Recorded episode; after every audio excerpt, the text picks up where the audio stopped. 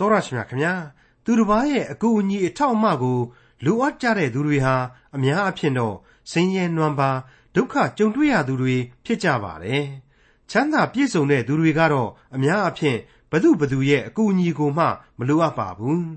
ဒီလောကီမှာအစမတန်ပြည့်စုံနေတာကြောင့်လောကုတ္တရာအတွက်ဆိုတာကိုပါထည့်သွင်းမစင်စားတော့ပါဘူး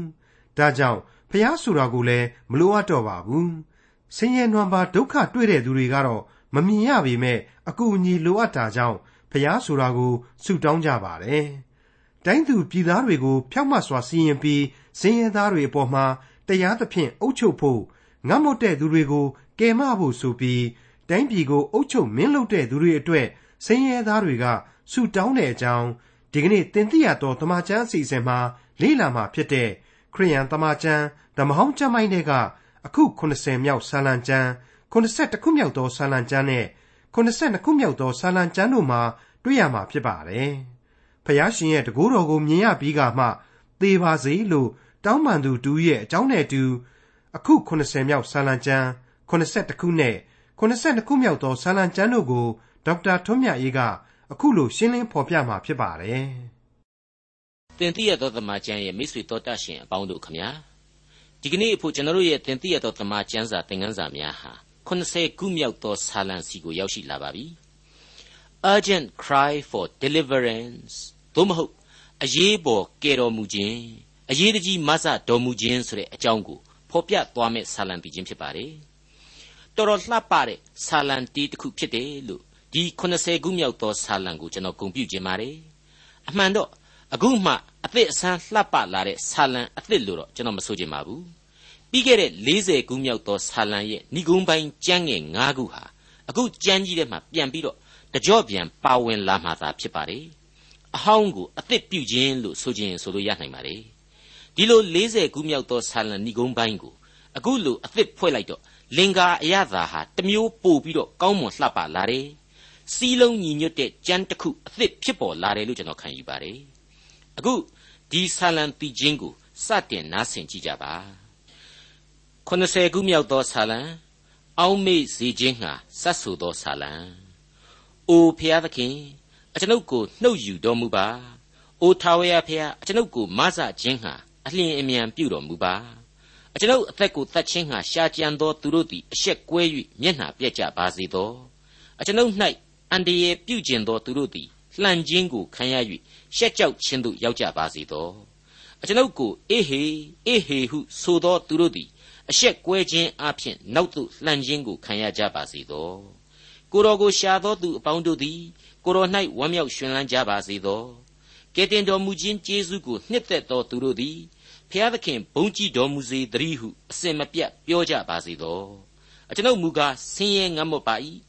အိုးဖျားသခင်အကျွန်ုပ်ရှိရာသို့အလျင်အမြန်ကြွတော်မူပါကိုတော်သည်အကျွန်ုပ်ကိုမဆသောသူကဲတင်သောသူဖြစ်တော်မူ၏အိုထာဝရဖျား ဆိုင်းလင့်တော်မမူပါနှင့်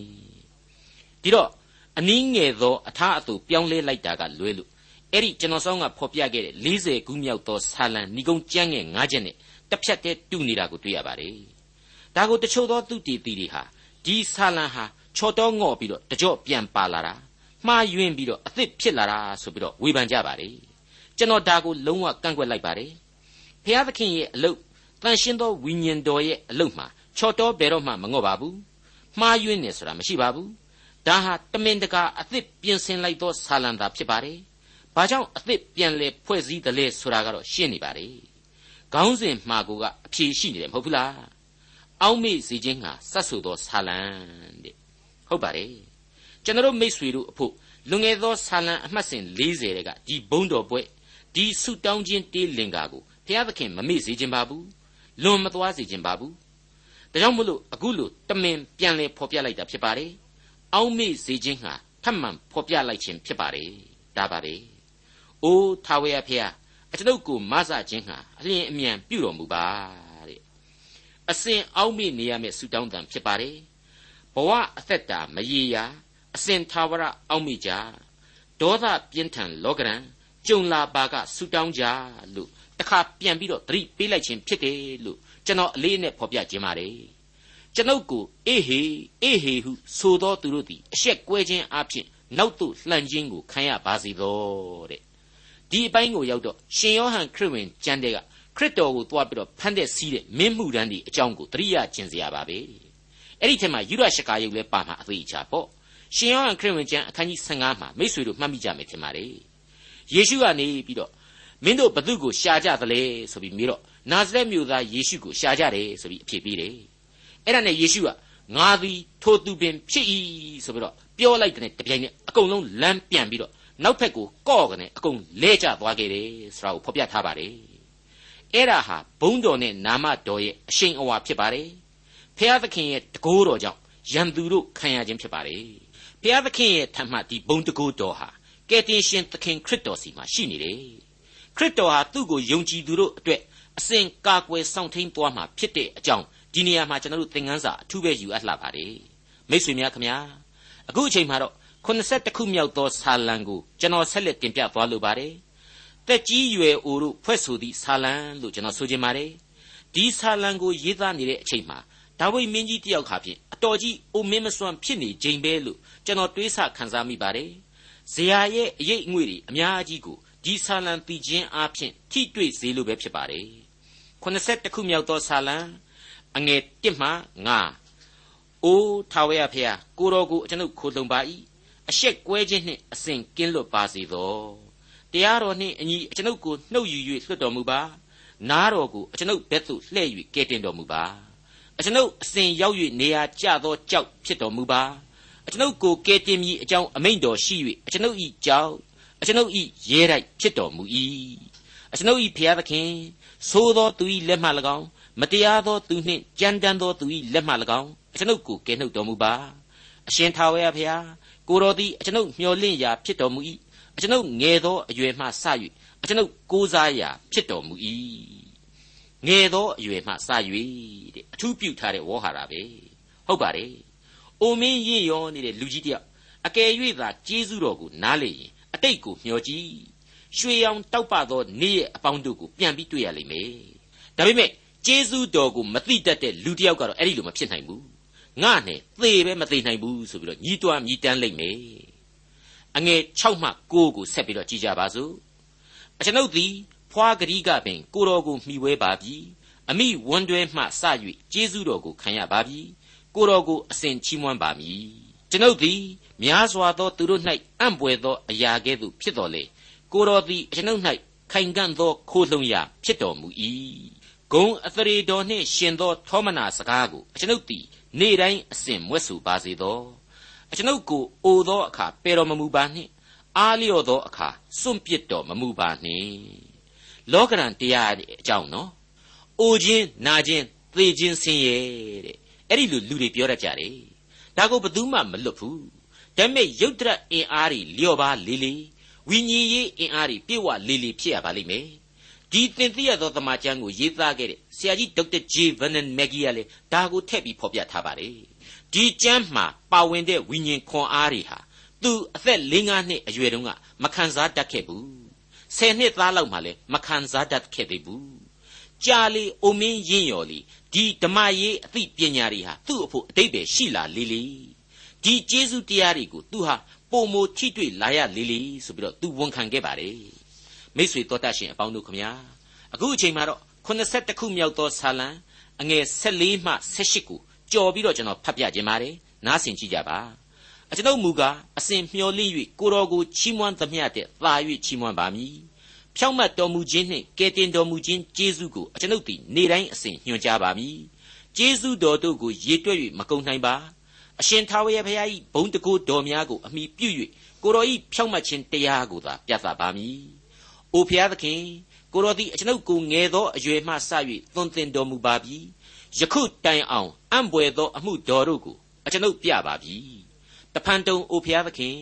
အကျွန်ုပ်အသက်ကြီး၍သပင်ဖြူသည်ကာလတိုင်အောင် ယခုလူများတို့အားကိုတော်၏အစွန်းတတ္တိကို၎င်း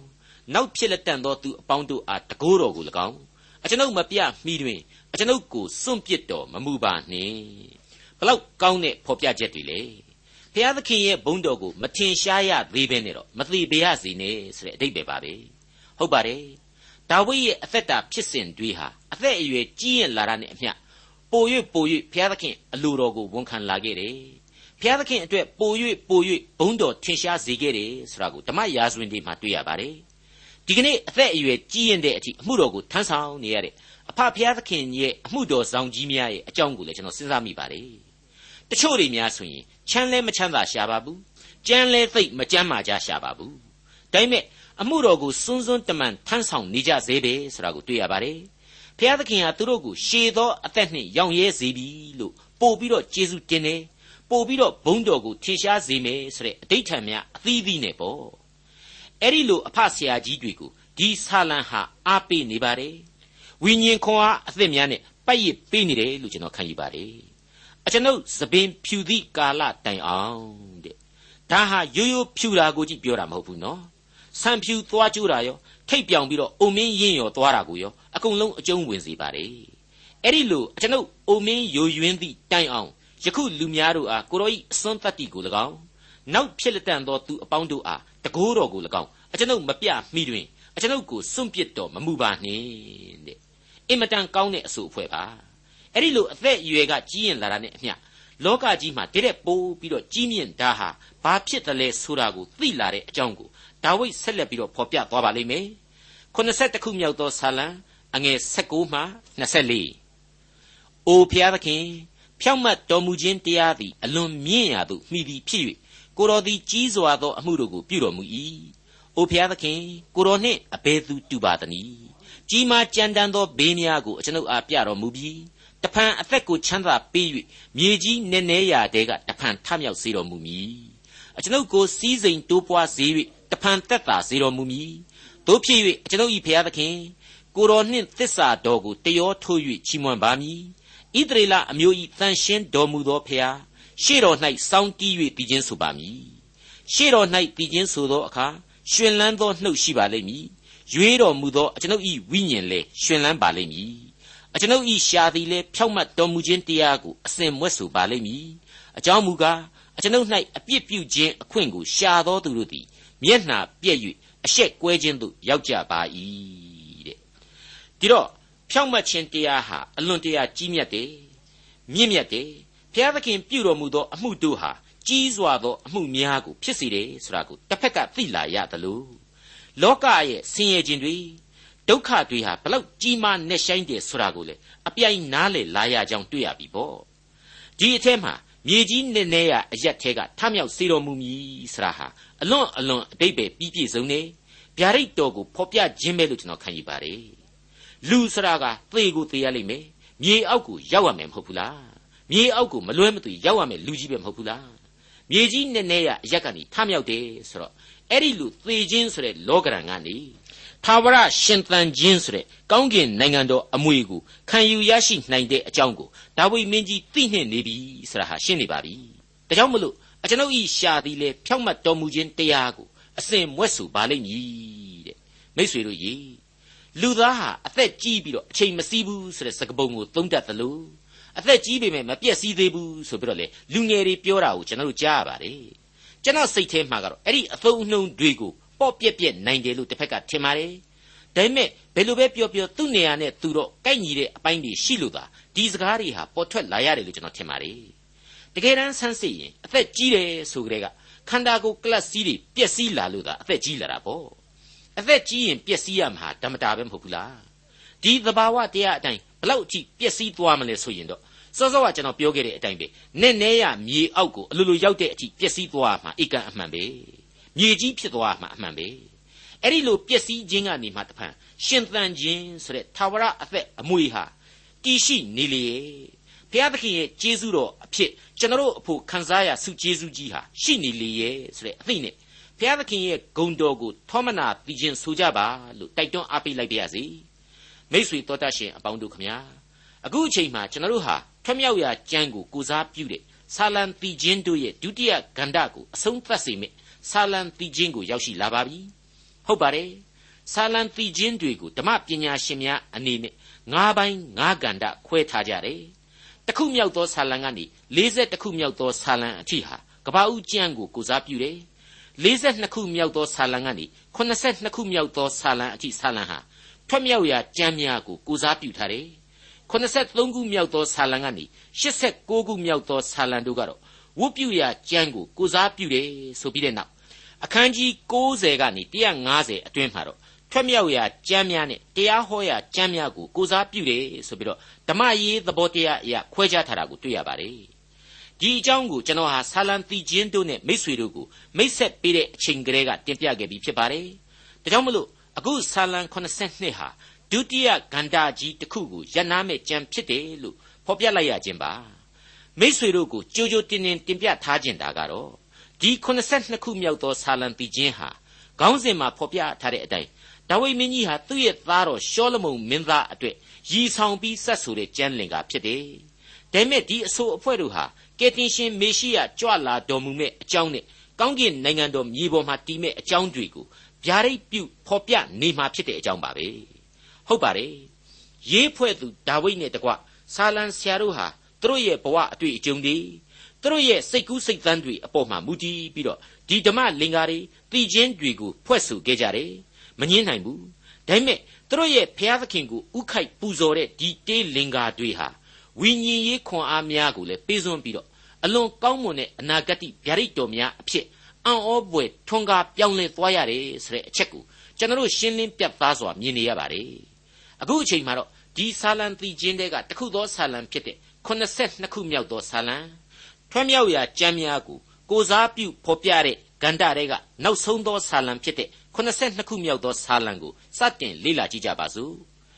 ရှောလမုန်ကိုရည်ဆောင်၍စတ်ဆိုသောဆာလံဆာလံတီချင်းအမှတ်စဉ်82အငယ်1မှ9အိုဖျားသခင်ကိုတော်ဤတရားဆုံးဖြတ်ခြင်းနှင့်ဖြောင့်မတ်စွာစီရင်ခြင်းအခွင့်ကိုမင်းသားဖြစ်သောရှင်ဘုရင်အားပေးသနာတော်မူပါထိုမင်းသည်ကိုတော်ဤလူတို့ကိုဖြောင့်မတ်စွာစီရင်၍ကိုတော်ဤဆင်းရဲသားတို့ကိုတရားပေးပါလိမ့်မည်တောင်ကြီးတောင်ငယ်တို့သည်တရားတော်အားဖြင့်ကိုတော်ဤလူတို့အားချမ်းသာပေးကြပါလိမ့်မည် ထိုမင်းသည်ကိုတော်ဤလူတို့တွင်စင်ရဲသားတို့ကိုတရားစီရင်လျက်ငတ်မွတ်သောသူတို့၏သားသမီးများကိုကယ်မ၍ညှင်းဆဲသောသူကိုလည်းနှိပ်စက်ပါလိမ့်မည်နေနှင်းလတည်သမျှသောကာလပတ်လုံးလူအစဉ်အဆက်အပေါင်းတို့သည်ကိုတော်ကိုကြောက်ရွံ့ကြပါလိမ့်မည်ထိုမင်းဤတဲ့ရောက်ခြင်းသည်ရိတ်သောမြက်ပင်ပေါ်မှရွာသောမိုးကဲ့သို့၎င်းမြေကိုစိုးစေသောမိုးပေါက်များကဲ့သို့၎င်းဖြစ်လိမ့်မည်လက်ထက်တော်၌လာသည်ပပျောက်ခြင်းသို့မရောက်မီတိုင်အောင် တရားသောသူသည်ပွင့်လန်း၍ချမ်းသာများပြားလိမ့်မည်နေနဲ့လတည်နေသမျှကာလပတ်လုံးလူအစဉ်အဆက်အပေါင်းတို့သည်ကိုတော်ကိုကြောက်ရွံ့ကြပါလိမ့်မည်တဲ့ဒါဝိမင်းကြီးဟာဒီဆာလံကိုဖော်ပြထားတယ်နော်ရှောလမုန်ကိုရည်ဆောင်ဆက်ဆိုခြင်းဖြစ်တယ်တဲ့သူ့ရဲ့သားကလေးကဘယင်ဖြစ်တော်မယ်ဆိုတာကိုသူကိုယ်တိုင်ကကြိုပြီးတော့ဂုံပြုတ်လိုက်တယ်ရှစ်စနိုးနဲ့ပေါ့ဒါပေမဲ့အဲ့ဒီရှောလမုန်တော်တာတတ်တာနဲ့ပဲ နေနဲ့လနဲ့တီရှိနေသည်၍လူသမိုင်းအဆက်အဆက်ဟာဘုရားသခင်ကိုကြောက်တယ်ဆိုတာဖြစ်နိုင်ပါမလားမဖြစ်နိုင်ဘူးလောကမှာရှောလမုန်သာမကပါဘူးဒါဝိဒ်ရှောလူတို့အပြင်စီဇာကွန်စတန်တိုင်းအလက်ဇန်ဒါ the great နဲ့တကွဘယ်သာသနာပြုမင်းကြီးတို့တော်လို့တက်လို့မှကတိကသက်နေနဲ့လနဲ့အပြိုင်လူသားတွေဟာအဆက်ဆက်ဘုရားသခင်ကိုမကြောက်ရွံ့နိုင်ပါဘူးပွင့်ပွင့်လင်းလင်းပြောရမယ်ဆိုရင်မင်းတပါမပြောနဲ့မင်းဆက်ကြီးတွေကြောင့်တောင်မှ လူသမိုင်းဟာဘုရားသခင်ကိုနေနဲ့လနဲ့တီးရှိသည်ကြောက်လာတယ်ဆိုတာမျိုးကျွန်တော်မကြားဘူးပါဘူးတချို့ကြတော့လေနှုတ်ကပတ်တော်ကိုသေချာမစင်စားပဲနဲ့တရသေးဆွဲယူကြတာမျိုးရှိပါသေးတယ်ဟေးရှောလမုန်ကိုရည်ဆောင်ထားတဲ့ဆာလံကွာရှောလမုန်ရေးထုတ်ခဲ့တဲ့သုတ်တန်ကျမ်းတို့ဒေသနာကျမ်းတို့စတဲ့ကျမ်းတွေကြောင့်လူတွေဘုရားသခင်ကိုကြောက်ရွံ့ယူသေးလာကြတယ်မဟုတ်လားမင်းကဘာဖြစ်လို့ဒီဗျာဒိတ်တော်ကိုတမျိုးပြောင်းပြီးတော့ခံယူရတာလေဆိုပြီးတော့လောက်တာမျိုးကိုကျွန်တော်ကြားပူပါတယ် ကျွန်တော်ကတော့ပြက်ပြက်သားသားပဲဖြေပါမယ်ဒီဝိညာဉ်ရေးဗျာဒိတ်တော်ဟာရှောလမုန်ကိုတင်စားတဲ့အဆင့်တက်မကတော့မေရှိယဗျာဒိတ်သာဖြစ်ရမယ်ဆိုတဲ့အဖြေပါရှောလမုန်ဘယင်ကြီးဟာမဆိုးပါဘူးတော်ပါတယ်ပညာရေးအမျိုးမျိုးကိုတတ်ကျွန်းခဲ့တဲ့ကမ္ဘာသမိုင်းဝင်ပုဂ္ဂိုလ်ကြီးလည်းဖြစ်ပါတယ်ဖျားသခင်ကိုယုံကြည်တဲ့နေရာမှာတော့သူ့ခမည်းတော်ဒါဝိဒ်ရဲ့ခြီးပြားကိုတောင်မှီတယ်လို့ကျွန်တော်အရှင်းမယုံပါဘူးဖျားသခင်ရဲ့ကောင်းကြီးမင်္ဂလာတွေကိုသူဟာကိုယ်တိုင်အလွဲသုံးစားလုပ်ခဲ့မိပါတယ် မိမတွေကိုမှုလို့ပေါက်အောင်ယူခဲ့သူလည်းဖြစ်ပါတယ်အဲ့ဒီထက်ကမှတခါဖျားသခင်ကိုမကိုးကွယ်တဲ့မိမတွေကိုယူပြီးတော့နတ်ဖျားတွေကိုတောင်မှကြောင်ကရန်းနဲ့ဥညွတ်တဲ့အဆင့်အထိပုံပြက်ပန်းပြက်တီဖြစ်ခဲ့ရတယ်ဆိုတာကိုကျွန်တော်တို့ဓမ္မသမိုင်းမှာတွေ့ရပါတယ်အဲ့ဒီလိုသမိုင်းကြောင်းညံ့ဖျင်းလို့လေသူ့ခမည်းတော်ရဲ့မျက်နှာနဲ့သူ့တသက်အဖို့သာဣသရေလနိုင်ငံဟာငြိမ်းချမ်းရေးရခဲ့ပါတယ်။သူသူသေးပြီးတော့ဘာမှမကြဘူးဣသရေလဟာနှစ်ချမ်းကွဲထွက်ခဲ့ရပါတယ်မြောက်ဖက်ဣသရေလဆိုရင် မင်းဆက်ကြီးတစ်ခုလုံးမှာလူမိုက်တွေနဲ့ကြီးပြည့်နေခဲ့ပါတယ်ဘုရားသခင်ကိုတောင်ပုံကန်ချားနာခဲ့ကြလို့နောက်ဆုံးကြတော့အာရှုရိလို့ခေါ်တဲ့ Assyrians တွေရဲ့လက်အောက်မှာအကုန်လုံးကျွန်အဖြစ်ရောက်ရှိသွားခဲ့ကြရတယ်ဆိုတာကိုကျွန်တော်ဓမ္မရာဆိုရင်သရုတ်ထစာဆောင်အခန်းကြီး16မှာတွေ့ခဲ့ကြပြီးတဲ့အတိုင်းပါပဲအဲ့ဒီလိုပါပဲမင်းကောင်းမင်းမြတ်အနေအချင်းပါဝင်တဲ့ယူရမင်းဆက်မှလေမိုက်တွင်းနှက်မှုတွေကြောင့်ပဲဘာဘူးလုံနိုင်ငံတော်အောက်ကိုကျွန်တပေါက်အဖြစ်ရောက်ခဲ့ရပြန်တယ်ဆိုတာကိုကျွန်တော်တို့တွေ့ရမှာဖြစ်ပါတယ် ဒါတွေကိုထောက်လိုက်လို့ရှိရင်အခုဆာလံတီချင်းဟာရှောလမုန်မင်းကြီးအတွက်ဒါဝိဒ်ကနေဂုံပြုတ်ရည်စူးဆက်ဆိုခြင်းဖြစ်တာမှန်တယ်ဒါပေမဲ့တိကျခိုင်မာသောဗျာဒိတ်တော်ကတော့ရှောလမုန်နဲ့မဖြစ်တင်းနိုင်ဘူးမေရှိယကယ်တင်ရှင်သခင်ခရစ်တော်ရဲ့နိုင်ငံတော်တည်ထောင်ခြင်းမှသာလျှင်ပြည့်ဝစွာဖြစ်တင်းနိုင်မှာဖြစ်တဲ့အကြောင်းလေးစားစွာတင်ပြလိုက်ချင်ပါတယ်82ခုမြောက်သောဆာလံအငယ်၈ပင်လေတပားမှတပားတိုင်အောင်၎င်း မြင့်မှသည်မြေကြီးစွန်းတိုင်အောင်၎င်းအစိုးရတော်မူလိမ့်မည်ပင်လေသမုတ်တရားတွေကိုတွင်တွင်ကြဲကြဲကြီးဖြတ်သန်းနိုင်တဲ့ခေတ်မဟုတ်သေးပါဘူးဒါပေမဲ့အလွန်တရာမြင့်မြတ်တဲ့ဒီဆာလံသီချင်းဟာဖြင့်ကမ္ဘာလောကကြီးရဲ့ကျယ်ဝန်းခြင်းအကြောင်းကိုအထူးပြုဖော်ကျူးလိုက်တယ်လို့ကျွန်တော်ဒီနေရာမှာတင်ပြပါရစေနောက်ထပ်ကြားရတဲ့ဆာလံအပိုက်ငယ်အချို့ဟာရှောလမုန်မင်းအတွက်အချို့အပိုင်းများအရာကိုက်ညီခဲ့တယ်ဆိုတာကိုမြင်နိုင်ပါတယ် ရှောလမုန်ကိုအဲ့ဒီခေတ်အတိုင်းတိုင်းအပြည်ပြည်ကဗန္တာတော်တွေဆက်ခဲ့ရတာနိုင်ငံတော်ကြီးစီပင်သာယာဝပြောခဲ့တာတွေကိုဖော်ပြထားပါတယ်ကျွန်တော်အသေးမစိတ်လို့တော့ပါဘူးအသေးစိတ်လိုက်လို့ရှိရင်အဲ့ဒီလိုအတိုင်းတိုင်းအပြည်ပြည်ကဆက်လာတဲ့ဗန္တာတော်တွေနဲ့အတူမင်းသမီးတွေပါဝင်ပြီးတော့အဲ့ဒီမင်းသမီးတွေနဲ့ရှောလမုန်နဲ့ဇက်ရှုပ်ကြီးတွေကိုပါထည့်ပြောနေရမှာဆိုလို့ပါအဲ့ဒီမင်းသမီးတွေကြောင့်ပဲရှောလမုန်တယောက်ဟာဘုရားသခင်ကိုကိုးကွယ်မှုမှာပျော့ညံ့သွားခဲ့ရတာ အခု82ခုမြောက်သောဆာလံရဲ့ဗျာဒိတ်တော်များဟာသူနဲ့မဆိုင်တာတွေကိုထပ်ပြီးပြောနေရမှာဆိုလို့ပါဟုတ်ပါတယ်နှုတ်ကပတ်တော်ဟာအသက်လမ်းကိုပြသပါတယ်ဒီအသက်လမ်းဟာခရစ်တော်အားဖြင့်သာရနိုင်မှာလေဖြစ်ပါတယ်မောရှေအာဗြဟံဒါဝိဒ်ရှောလမုန်စတဲ့ပုဂ္ဂိုလ်တွေဆိုတာဟာနောက်ဆုံးတော့ဒီအသက်လမ်းတည်ရှိကြောင်းကိုဖော်ထုတ်ပြသဖို့ရန်အတွက်ဇလန်းအသီးသီးတဲကဇက်ရံမင်းသားတွေအဆင့်မှာပဲရှိတယ်ဆိုတာကိုမိษွေတို့အထူးနားလည်ထားဖို့လိုအပ်လာပါတယ်အခုဆိုရင် ကယ်တင်ရှင်မေရှိယအကြောင်းကိုဆာလံတီချင်းဟာဆက်လက်ဖော်ပြသွားပါဦးမယ်82ခုမြောက်သောဆာလံအငယ်16မှ20အထိနာမတော်သည်အစဉ်အမြဲတည်လိမ့်မည်နေသည်တည်သမျှသောကာလပတ်လုံးနာမတော်တိုးပွားလိမ့်မည်ကျေးဇူးတော်အဖျင်လူမျိုးအပေါင်းတို့သည်ကောင်းကြီးမင်္ဂလာကိုခံရကြ၍မင်္ဂလာရှိတော်မူသည်ဟုချီးမွမ်းကြလိမ့်မည်အံ့ပွေသောအမှုတို့ကိုတပါးရီသာစီရင်တော်မူသောထာဝရအရှင်ဘုရားသခင် ဣသရေလအမျိုး၏ဘုရားသခင်သည် မင်္ဂလာရှိတော်မူစေတည်းဘုံကြီးသောနာမတော်သည်လည်းအစဉ်အမြဲမင်္ဂလာရှိတော်မူစေတည်းမြေကြီးတစ်ပြင်လုံးသည်ဘုံတော်နှင့်ပြည့်ပါစေတည်းအာမင်းနှင့်အာမင်ယေရှဲဤသားဒါဝိဒ်ဆုတောင်းသောပတ္ထနာစကားပြီး၏ဘုရားသခင်ပေးတော်မူတဲ့ဝိညာဉ်အမြင်အားဖြင့်ကယ်တင်ရှင်ကြွလာတော်မူမယ်ကောင်းကင်နိုင်ငံတော်ဟာမြေကြီးပေါ်မှာတည်ထောင်မယ်ဆိုတဲ့အချက်တွေကို နှုတ်ကပတ်တော်ဟာအခိုင်အမာဖော်ပြထားပြီးဖြစ်ပါတယ်ဒီအချိန်မှာအနန္တတကုရှင်ဘုရားသခင်ရဲ့ဘုန်းတော်နဲ့နာမတော်ဟာထွန်းလင်းထင်ရှားရမှာဧကန်အမှန်ဖြစ်တယ်ဆိုတာတွေကိုဒါဝိမင်းကြီးဟာကြိုတင်သိမြင်ပြီးအခုလိုဆိုဖွဲ့လိုက်ခြင်းပဲဖြစ်ပါတယ်။သို့ရီမဟုတ်သူ့ရဲ့ကလောင်သွားမှာတန်ရှင်းသောဝိညာဉ်တော်ဟာကိမ့်ဝတ်ပြီးတော့သူ့ကိုအခုလိုဗျာဒိတ်တော်များကိုရေးဖွဲ့စေခြင်းဖြစ်တယ်လို့လေးနဲ့စွာနဲ့ကျွန်တော်တို့ခံယူထားကြရပါလိမ့်မယ်။ အခုဒါဝိမင်းကြီးရဲ့မြင်ရတဲ့ယူပါယုံဗျာဒိတ်တော်ဆိုတဲ့အချက်တွေဟာလေအကုန်လုံးပြေဝစုံလင်မှမလွဲဧကန်ဖြစ်ပါတယ်။နောက်ထပ်အကျယ်ချက်နေစရာအကြောင်းမရှိပါဘူး။ဟုတ်ပါတယ်။ယေရှဲဤသားဒါဝိဒ်ဆုတောင်းသောပထနာစကားဒီနေရာမှာတင်ပြီးဆုံးသွားပါတယ်။ဒါကြောင့်မလို့ဒါဝိဒ်မင်းကြီးကဖော်ပြလိုက်ပါတယ်။နာမတော်သည်အစဉ်အမြဲတည်လိမ့်မည်။နေသည်တည်သမျှသောကာလပတ်လုံးနာမတော်တိုးပွားလိမ့်မည်။ ကျေးဇူးတော်အဖျင်လူမျိုးအပေါင်းတို့သည် ကောင်းကြီးမင်္ဂလာကိုခံရကြ၍မင်္ဂလာရှိတော်မူသည်ဟု ချီးမွမ်းကြလိမ့်မည်။အံ့ဘွယ်သောအမှုတို့ကိုတပါးရီသာစီရင်တော်မူသောထာဝရအရှင်ဘုရားသခင်။ဣသရေလအမျိုး၏ဘုရားသခင်သည် မင်္ဂလာရှိတော်မူစေတည်းဘုံကြီးသောနာမတော်သည်လည်းအစဉ်အမြဲမင်္ဂလာရှိတော်မူစေတည်းမြေကြီးတစ်ပြင်လုံးသည်ဘုံတော်နှင့်ပြည့်ပါစေတည်းအာမင်းနှင့်အာမင် ယေရှဲဤသားဒါဝိဒ်ဆုတောင်းသောပထနာစကားပြီး၏သောတာရှင်မိတ်ဆွေအပေါင်းတို့အပေါ်မှာထာဝရဘုရားသခင်ထံတော်မှလူသားတို့ကြံစည်၍မမိနိုင်သောငြိမ်သက်ခြင်းနှင့်ဝမ်းမြောက်ခြင်းဆုကျေးဇူးများအစဉ်တစိုက်သက်ရောက်ပါစေလို့ကျွန်တော်ဆုတောင်းပေးလိုက်ပါတယ်မိတ်ဆွေတော်တတ်ရှင်အပေါင်းတို့ခမညာတင်သိရသောတမန်ကျမ်းရဲ့သင်ခန်းစာတွေဟာ82ခုမြောက်သောဆာလံအထိပြီးဆုံးခဲ့ပါပြီဖျားသခင်ရဲ့ကျေးဇူးတော်ဟာအလွန်တရာကြီးမားလှပါတယ် ဖျားသခင်ထင်ရှားသိတာပေါ်လွင်စေခြင်းနဲ့ဗျာဒိတ်တော်အများနဲ့ပြည့်ဝနေတဲ့ဒီဆာလံတည်ခြင်းတွေကိုဖတ်ရှုရခြင်းအပြင်အခက်အခဲတွေကျွန်တော်တို့အဖို့ရှိနိုင်ပါတယ်နားမလည်နိုင်တဲ့အချက်တွေလေအချို့အစိတ်အပိုင်းတွေမှာပါဝင်နိုင်တယ်လို့ကျွန်တော်အနေနဲ့လေးစားစွာခံယူပါတယ်။ဘာဖြစ်လဲဆိုတော့ကျွန်တော်တို့ဟာအပြစ်သားလူသားမျှတာဖြစ်ပါတယ်။အလွန်မြင့်မြတ်တော်မူသောဘုရားသခင်ရဲ့အလိုတော်မှန်သရွေ့ကိုအကုန်လုံးနားလည်ဖို့ရန်အလွန်ခက်ခဲလိမ့်မယ်ဆိုတာရှင်းနေအောင်ပေါ်လွင်နေတယ်လို့ကျွန်တော်ထင်ပါတယ်။ မိษွေတော်တတ်ရှင်အပေါင်းတို့ခမညာဘာပဲပြောပြောကျွန်တော်တို့လူသားအတွက်ဘုရားသခင်ဟာကယ်တင်ခြင်းကျေးဇူးကိုပြုတော်မူတယ်။ဒီကယ်တင်ခြင်းကျေးဇူးတော်အားဖြင့်ကျွန်တော်တို့ဟာကောင်းကင်နိုင်ငံတော်အမွေနဲ့သာဝရအသက်ဆိုတာကိုခံယူရရှိနိုင်တယ်ဆိုတဲ့အကြောင်းကိုသင်သိရသောတမန်ကျန်သင်ခန်းစာအဆက်ဆက်တို့ဟာဖော်ပြခဲ့ပါပြီမိษွေတို့အနေနဲ့အနုလုံပရိလုံဆင်ခြင်နှလုံးသွင်းပြီးတဲ့နောက်အသက်ရှင်တော်မူသောထာဝရဘုရားသခင်ပေးသနာတော်မူတဲ့အဲ့ဒီကယ်တင်ခြင်းစု လူသားတိုင်းရယူနိုင်တဲ့ကောင်းကင်နိုင်ငံတော်အမွေကိုခံယူရရှိနိုင်ကြပါစေအသက်ရှင်တော်မူသောထာဝရဘုရားသခင်ကိုကယ်တင်ရှင်သခင်ခရစ်တော်၏နာမတော်အားဖြင့်ဆုတောင်းပြတ်ဝတ်ကိုးကွယ်နိုင်ကြပါစေလို့ကျွန်တော်အလေးအနက်ဆုတောင်းပေးလိုက်ပါတယ်ကျေးဇူးတင်ပါတယ်ဒေါက်တာထွန်းမြတ်ရေးစီစဉ်တင်ဆက်တဲ့တင်ပြရသောတမချန်းအစီအစဉ်ဖြစ်ပါတယ်